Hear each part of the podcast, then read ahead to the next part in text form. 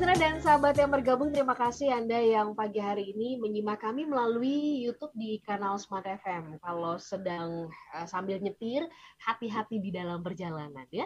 Atau kalau buat Anda yang mendengarkan kami melalui streaming di www.radiosmartfm.com. Terima kasih juga untuk bergabung bersama-sama dengan kami. Saya ingin juga menyapa smart listener yang ada di Makassar, Manado, Banjarmasin, Balikpapan, kemudian Anda yang ada di Palembang, Pekanbaru, Medan, kemudian Surabaya, Yogyakarta, Jakarta, Depok, Tangerang, Bekasi, dan juga kota-kota di sekitarnya.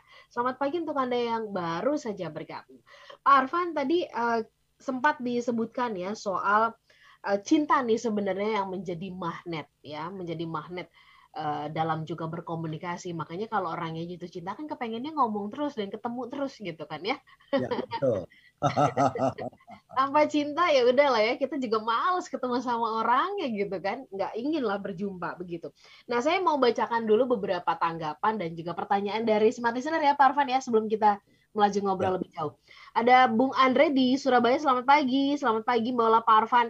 Bener nggak sih ada ungkapan saat cinta ditolak, dukun bertindak? Wah, ini eh, ungkapan lama ya. Yang artinya timbul rasa kecewa dan kebencian sehingga tidak bisa bersatu. Mengapa ada orang, nih, mengapa ada orang ya Pak Arfan yang pada awalnya cinta, terus bisa kecewa dan timbul kebencian? Silakan Pak Arfan. Ya, terima kasih banyak Mbak Ola. Jadi cinta itu, gayanya itu adalah gaya magnet Mbak Ola. Oke. Okay cinta itu selalu menarik gitu. Bayangkan kan kalau ada magnet kan kita selalu menarik ya. Uh-huh.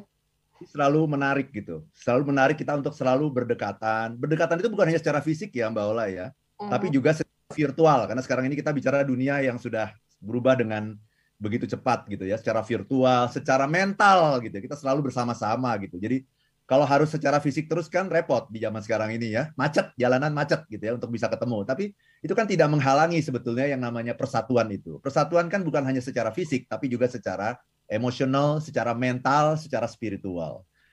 Nah jadi cinta itu selalu punya gaya tarik gitu. Nah sebaliknya mbak Ola yang namanya benci gayanya itu bukan gaya tarik tapi gaya tolak. Hmm. gaya tolak.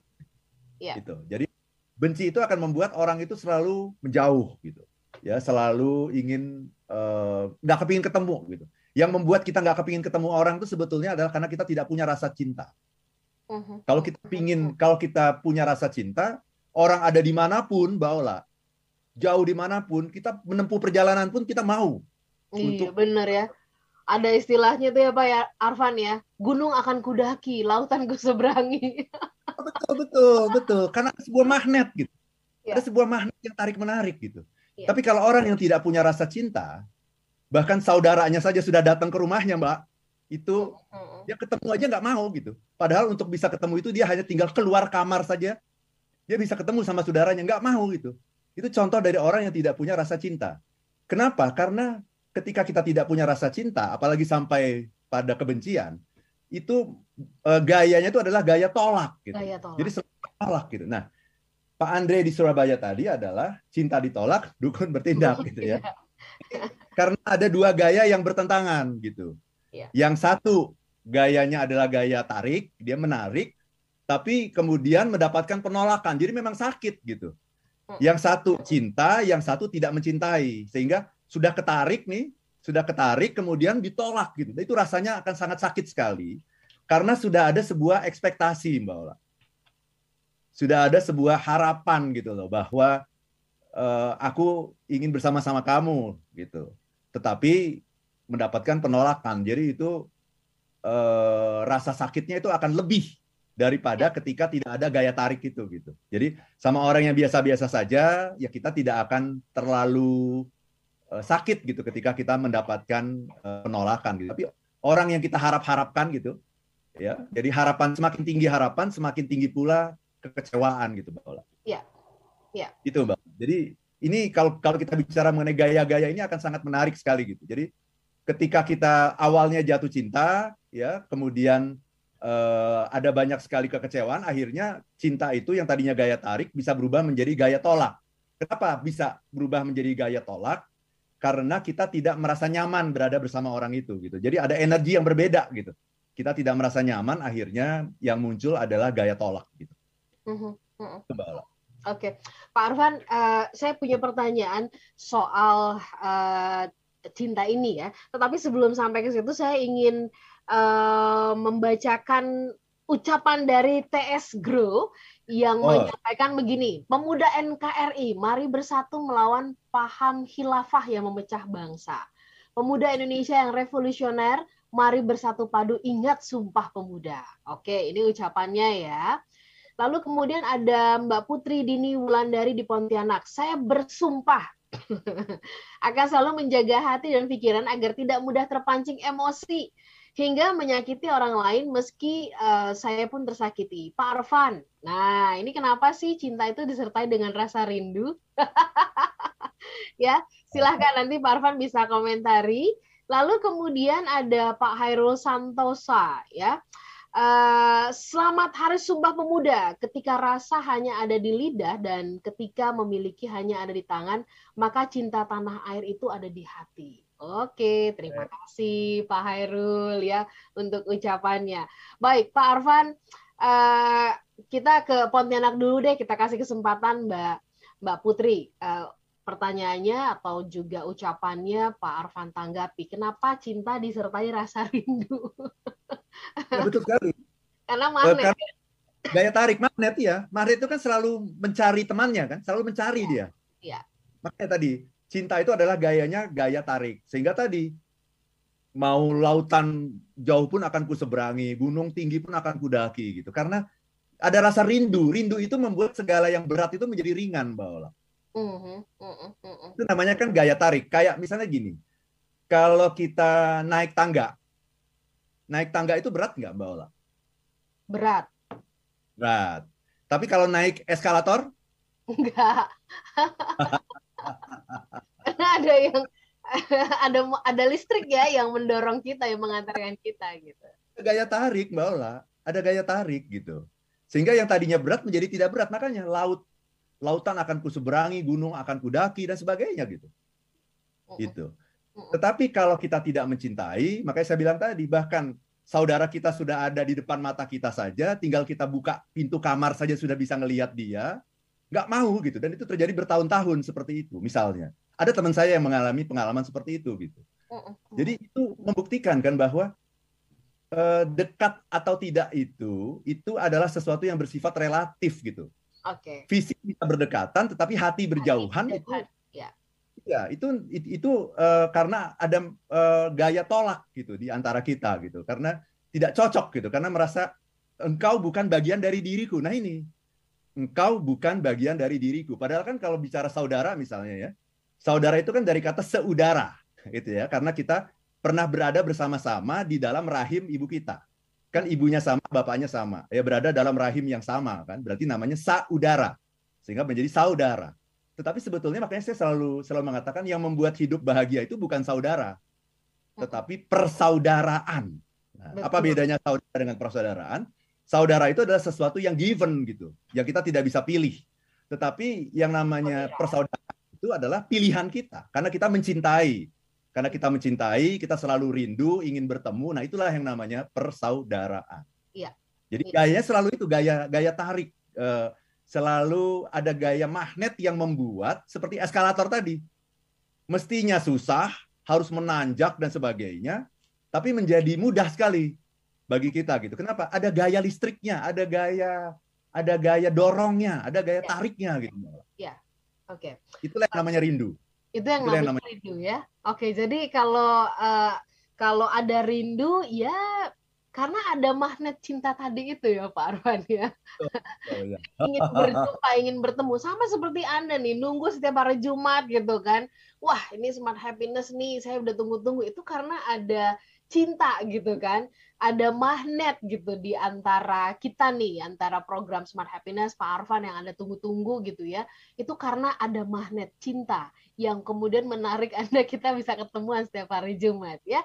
Oke selepas ini saya ingin tanya gini Pak Arfan uh, banyak orang yang mungkin salah mengerti salahnya tuh begini kalau kita uh, cinta atau kalau kita bersatu kita nggak boleh berbeda pendapat ini benar nggak nih gitu ya seolah-olah nah. kayaknya kalau kita berbeda pendapat kamu tuh jadi musuh saya gitu kamu enemy kamu menyerang kamu ini begitu uh, apakah kalau kita cinta, kalau kita bersatu selalu sama terus gitu kan ya? Bagaimana tanggapannya Pak Arfan? Nanti kita bahas di sesi berikutnya ya Pak Arfan ya.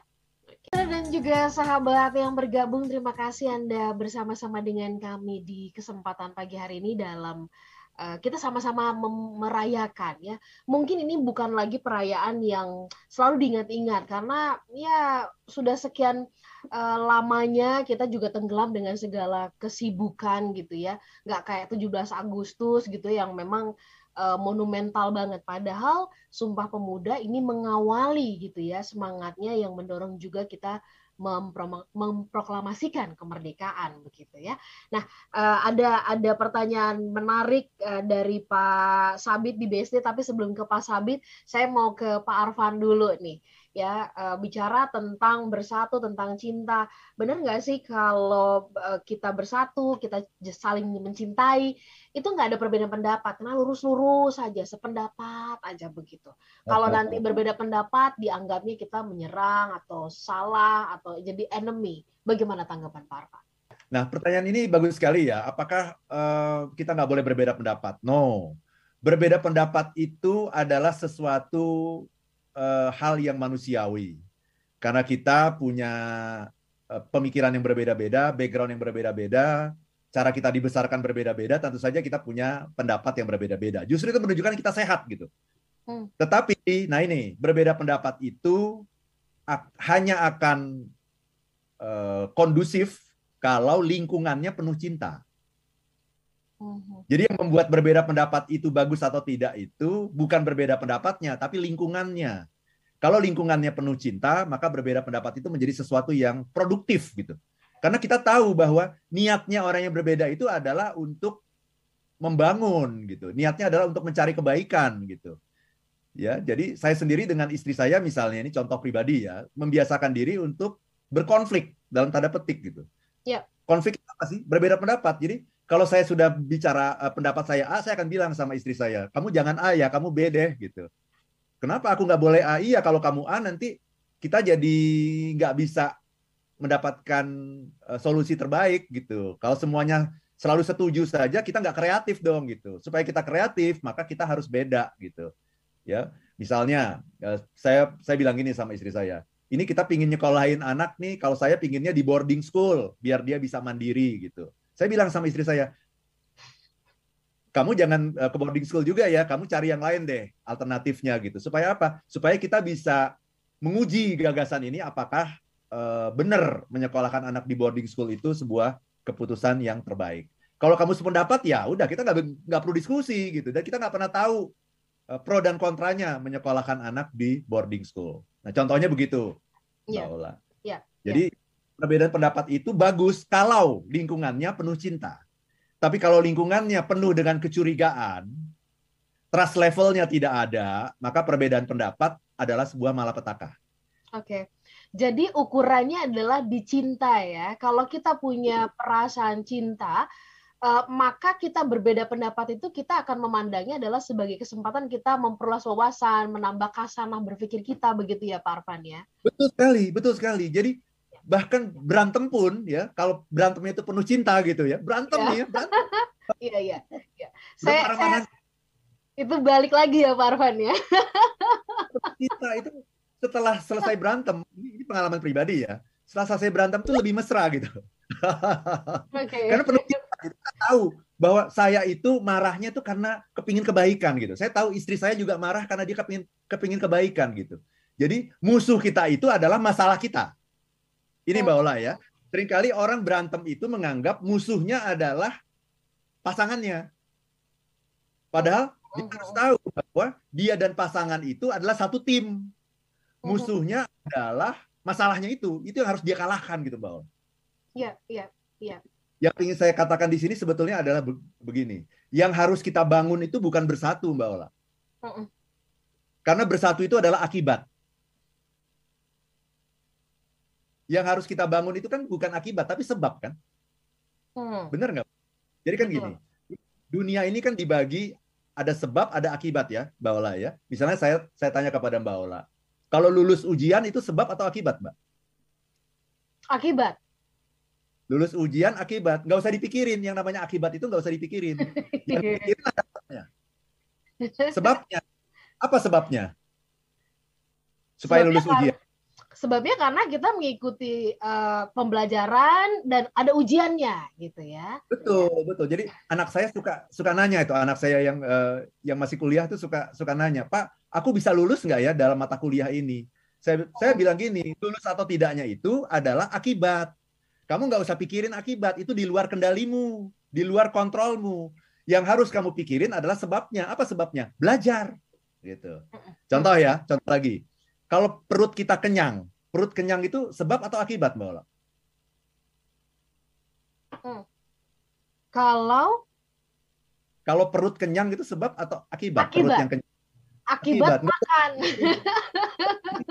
itu akan terjadi dengan sendirinya. Itu konsekuensi ya. logis yeah. dari makan. Jadi yeah. yang harus dipikirkan itu adalah sebabnya. Sebabnya apa? Makan gitu mm. ya. Contoh contoh lagi misalnya eh, badan yang segar bugar. Itu sebab atau akibat? Badan itu segar bugar. Akibat, akibat. berolahraga, jaga kesehatan gitu kan. Gak usah dipikirin. Yang harus kita pikirkan dalam hidup itu bukan akibat tetapi sebab.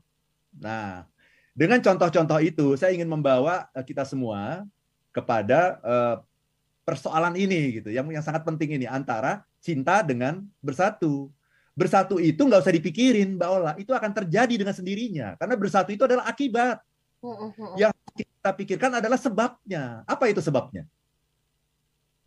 cinta betul, betul. jadi yang harus dibangun sebetulnya kalau bicara Indonesia mbak Ola kalau bicara Indonesia ini yang harus dibangun itu bukan bersatu biarkan saja itu akan terjadi dengan sendirinya kok yang namanya bersatu kalau kita saling mencintai, saling mengasihi. Apa itu? Melihat diri kita sebagai bagian, melihat orang lain sebagai bagian, bagian dari, dari diri, kita. Ya. Dan itu terjadi bukan hanya kita bicara persatuan Indonesia ya Mbak Ola, tapi juga persatuan dalam di kantor. Ya supaya para depa, eh, eh, para uh, apa orang-orang dari berbagai departemen dan divisi yang berbeda itu bisa bersatu, bukan bersatunya yang harus kita urusin, tapi apanya? Cintanya. Kita tumbuhkan perasaan kasih mereka melihat orang lain sebagai bagian dari diri mereka, cinta akan lahir dengan sendirinya. Dalam keluarga juga sama, suami dengan istri. Ya, ya. bukan bersatunya yang harus diperjuangkan, tapi cintanya, cintanya. yang harus diperjuangkan. Okay. Karena cinta adalah sebab dan bersatu hanya merupakan sebuah akibat. Oke, jadi clear ya smart listener ya bahwa apa kaitannya sangat erat sekali kaitannya begitu ya uh, tidak semua orang yang uh, bersatu itu selalu penuh cinta. Tetapi kalau kita saling mencintai, maka akibat yang dihasilkan itu udah pasti adalah ada persatuan di dalamnya ya, Pak Arfan gitu ya. Iya, itu ya Mbak Ola. Baik. Ya, bersatu adalah akibat. Jangan dipikirin, ya. jangan diurusin bersatu. Yang diurusin itu ya. adalah cinta, karena cinta adalah sebab dari segala akibat. Siap. Ya. Baik. Pak Arfan, eh, terima kasih sudah diingatkan bagaimana memelihara uh, semangat dari Sumpah Pemuda ini adalah ternyata adalah dengan cara menjaga cintanya. Terima kasih buat semua listener yang bergabung di YouTube di kanal Smart FM.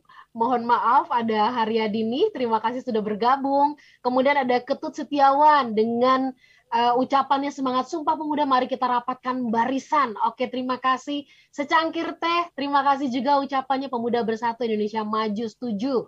Pak Muhammad Darun Derajat, terima kasih juga untuk ucapannya.